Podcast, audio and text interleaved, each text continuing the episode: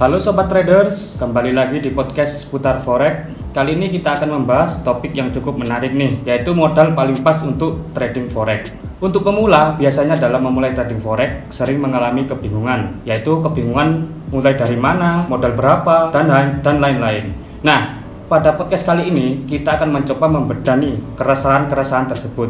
Saya Didi, kali ini saya tidak sendirian, tapi saya ditemani oleh rekan saya yaitu Pak Indra dari seputarforex.com. Halo Sobat Trader. Pak Indra ini katanya sudah cukup lama terjun di dunia trading forex. Iya, betul Mas Didi. Oke, menurut Pak Indra nih menanggapi pertanyaan-pertanyaan trader pemula yang kerap bertanya, berapa sih modal paling ideal untuk trading forex?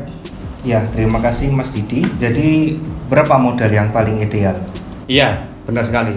Ya, modal yang paling ideal itu sebetulnya modal yang sesuai dengan budget kita. Yang Budget pertama. kita, iya. Kemudian yang kedua, yang sesuai dengan target kita. Target kita itu apa? Trading itu untuk eh, mendapatkan profit berapa? Oh, Dalam berapa lama? Iya. Jadi dua poin itu yang paling krusial untuk menentukan modal kita. Target bisa dispesifikkan nggak? Misalnya gimana atau gimana gitu? Eh, bisa, saya ambil contoh target saya. Iya. Misalnya, saya mau beli mobil baru. Wes, udah mau beli mobil nih. Iya dong, 300 juta nih. Ya, Saya targetkan 2 tahun. iya. Oke, asumsi dengan modal budget yang eh, yang saya sediakan 500 US dollar. Ya. Jadi dengan target 2 tahun, itu saya punya trading plan 10% per bulan konsisten. Kemudian eh, jumlah hari trading per bulan lebih kurang 15 hari trading. Jadi ada beberapa hari yang misalkan kita sakit atau tidak bisa trading Iya. atau market libur. Jadi kita potong aja jangan 20 hari tapi kita anggap aja 15 hari trading. Iya. Itu pada bulan pertama dengan target 10% kita akan mendapatkan 550 US dollar. Dengan kurs 14.000 kita mendapatkan 7.700.000. Itu berarti kita sekitar 0,61% dari modal awal per hari. Iya. Target kita per hari untuk meraih target itu sebulan. Itu di bulan pertama. Saya lompat. Saya lompat langsung ke bulan ke tiga deh. Tiga. Bulan ketiga itu sudah menjadi 792 US dollar Hmm. itu saya sudah mendapatkan target harian 8,80 US dollar atau 1,11 persen. Saya lompat lagi langsung ke akhir tahun pertama Iya. supaya agak cepat ya. Iya. Jadi dengan trading plan seperti tadi pada tahun pertama itu saya akan mendapatkan 4.086,55 US dollar. Kalau dirupiahkan 57 juta 211.644,54 Wow, besar sekali ya Pak ya ternyata. besar sekali. Iya. Ini yang jutaan trader itu tidak menyadari hal-hal seperti ini. Jadi eh, selama trading Pak Indra ini selalu melakukan pencatatan ya berarti. Eh, Iya. Selama eh, profitnya berapa, eh, lossnya berapa, apakah seperti itu Pak? Iya betul. Jadi tiap bulan itu saya selalu evaluasi dari trading history. Iya. Dan yang paling penting itu kita jangan terlalu terpaku sama acuan kertas ini. Jadi ini saya buat kertas ini juga untuk panduan saja. Oh. Jadi tidak mesti harus saya satu hari harus 1000 dolar, satu hari harus 50 dolar, enggak. Hmm, Rata-rata aja. Iya. Jadi bisa jadi hari ini kita loss 10 dolar, besok kita profit 100 dolar. Tapi rata-rata kita sudah punya acuan berapa yang harus kita capai. Hmm. Asalkan konsisten dengan modal 500 dolar, satu tahun pun Mas Diri sudah lihat sendiri Oh iya. bisa berkembang menjadi berapa. Lah, menarik sekali nih Pak untuk Bapak bilang kan konsisten kan ya. Iya. Eh, Untuk trading agar cepat profit itu harus konsisten. Lah, untuk pemula nih Pak, mungkin mindsetnya belum terbentuk nih. Konsisten seperti apa sih yang dimaksud Pak Indra ini? Konsisten itu mengikuti sistem trading yang sudah dibuat. Oh gitu. Iya. Jadi misalnya membuat udah membuat uh, sistem trading A nih misalnya ya. Ya, Terus nggak boleh tuh harus pindah ke sistem trading B. Berarti harus pakai sistem trading yang A terus itu tadi sampai akhir. betul. Oh gitu. Kalau kita berpindah kendaraan, kita harus menyesuaikan lagi dari awal. Oh iya sih masuk akal sekali ya sebenarnya. Betul. Jadi kita perlu penyesuaian lagi, style kita berubah lagi. Akhirnya Hmm. kita tidak pernah mencapai ke target contoh yang tadi satu tahun. Hmm, kita ya. baru ke step berapa kita sudah pindah lagi kembali ke step 0 Ya. Selain modal nih Pak ya, kira-kira nih menurut Pak Indra, berdasarkan pengalaman Pak Indra, hal yang paling penting dari modal selain dari modal trading forex itu apa sih Pak agar para pemula itu bisa memulai dengan mudah dan mendapatkan profit? itu tadi sudah disebutkan oleh Mas Didi sebetulnya Ya, kuncinya sebetulnya satu untuk trading forex iya, mindset mindset. Itu kuncinya berapapun modalnya apa pun strateginya sekali kita sudah menguasai mindset psikologi trading Mm-mm. profit itu sudah pasti kita raih Hmm, itu sudah pasti kenapa kita sering loss Iya, jujur aja iya. ayo kita buka-bukaan Monggo, monggo juga. trader itu serakah mas Serakah. serakah kita kasih profit 5 dolar dia minta Oh. 10 dolar Oh iya sih Pak. Dikasih Eh, profit lagi minta lebih lagi nggak bisa puas ya dengan target hariannya ya. betul contoh begitu dia tambah account lagi tambah deposit lagi buka lot lebih banyak ternyata marketnya berkebalikan Hmm. 16 semua langsung Iya. itu contoh Berarti untuk sebagai trader itu sifat serakah itu harus ditekan benar-benar ya Pak ya. tekan benar-benar sifat serakah kemudian harus clear targetnya itu seperti apa yang reasonable menurut kita bukan menurut orang lain Iya. kemampuan kita berapa kemudian contohnya yang tadi saya sertakan untuk membeli mobil baru Iya. itu contoh yang reasonable menurut versi saya Iya. Ya, sekarang setelah membahas uh, modal nih Pak ya.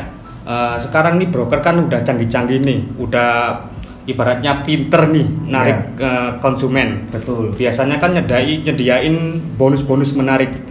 Menurut Pak Indra nih, pengalaman Pak Indra, suka nggak uh, pakai bonus-bonus dari broker atau gimana Pak? nah ini pertanyaan yang bagus sekali Mas Didi Iya. memang kalau kita perhatikan ya Iya. banyak broker-broker yang sekarang menawarkan macam-macam bonus Benar sekali, benar. ada no deposit bonus, Iya. ada akun gratis, ada bonus 100%. Sebetulnya kita perlu nggak sih bonus-bonus itu? Hmm. Kalau untuk belajar dalam tahap belajar, silakan pakai bonus itu. Iya. Jadi untuk merasakan gejolak profit loss dalam trading sehari-hari, itu silakan pakai bonus-bonus tersebut. Tapi kalau kita untuk trading serius, jangan pernah jadikan bonus-bonus atau gratisan untuk trading. Kenapa? Biasanya bonus-bonus itu tuh banyak syaratnya. Itu akan jadi beban kita sendiri kalau kita trading serius. Kita trading sendiri aja pun sudah ada beban. Oh iya iya. Jangan kita tambah lagi untuk memenuhi target Hmm. broker harus trading sekian lot sehari harus trading berapa posisi itu nanti mengganggu konsentrasi kita untuk mencapai target kita sendiri kemudian intinya kita trading untuk mengejar profit Iya. atau mengejar bonus broker Hmm, menarik sekali itu kesimpulan Pak Indra itu.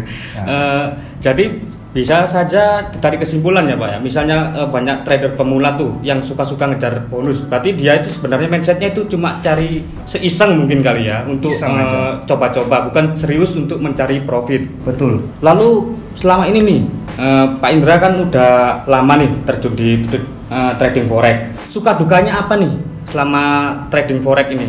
suka dukanya yang mana dulu Yang sukanya aja deh, yang paling seneng dari Pak Indra selama trading forex ini apa aja nih? yang paling senang itu melatih mental dan psikologi Mhm. itu jelas kemudian melatih kesehatan jantung juga ya Oh, kok bisa Pak? Kesehatan jantung. Iya, jadi kalau sudah OP harganya langsung berubah arah kan. Oh iya, langsung iya, iya. jantung. Kemudian Untuk dukanya? Kalau dukanya itu ya kadang kita sudah capek-capek ya analisa, Mm-mm. sudah betul-betul kita perhatikan patternnya. Ternyata dalam hitungan menit harga langsung berbalik arah. Wah itu rasanya sakitnya di sini Mas Idi. Eh, ini sekedar untuk penutup nih Pak Indra. Tips nih untuk semua pendengar nih yang mendengarkan podcast kita, gimana sih agar gak takut lagi untuk memulai trading forex Eh, atau gimana caranya biar nggak terbentuk mindset forex itu high risk, forex itu merugikan, forex itu nggak menguntungkan. Itu gimana sih Pak? Oke, yang pertama saya bantu koreksi dulu. Ya. Forex itu memang high risk. Oh high risk ya. high risk tapi juga high return. Kalau merugikan itu sih eh, saya pikir untuk yang loss aja ya. Oh, Iya.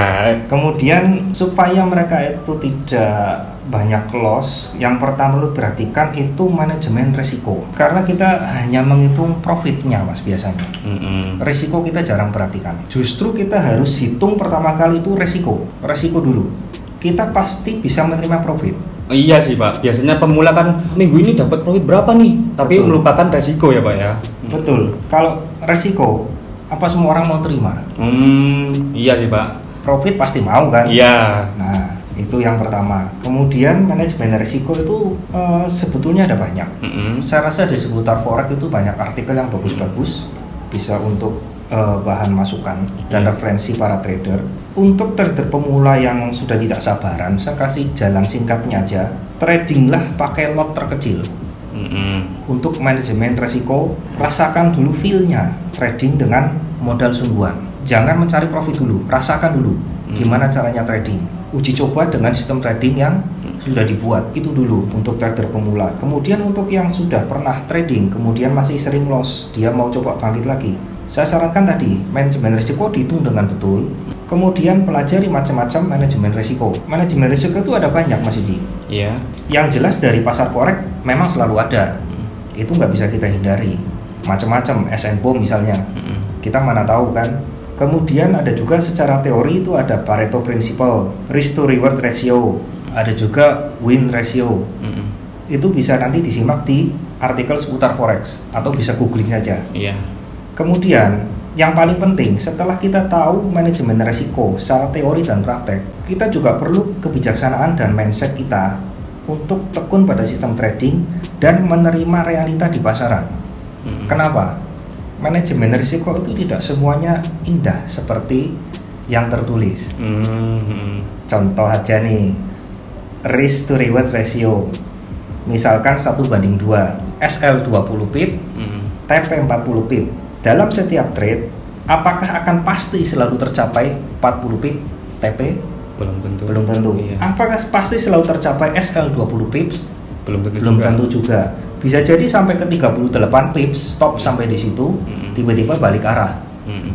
Kalau kita nggak cut profit, Mm. loss. Jadi lebih baik contoh seperti itu kita cut profit pada saat mendekati garis resistance atau yang sistem trading kita katakan untuk stop walaupun sudah mendekati TP.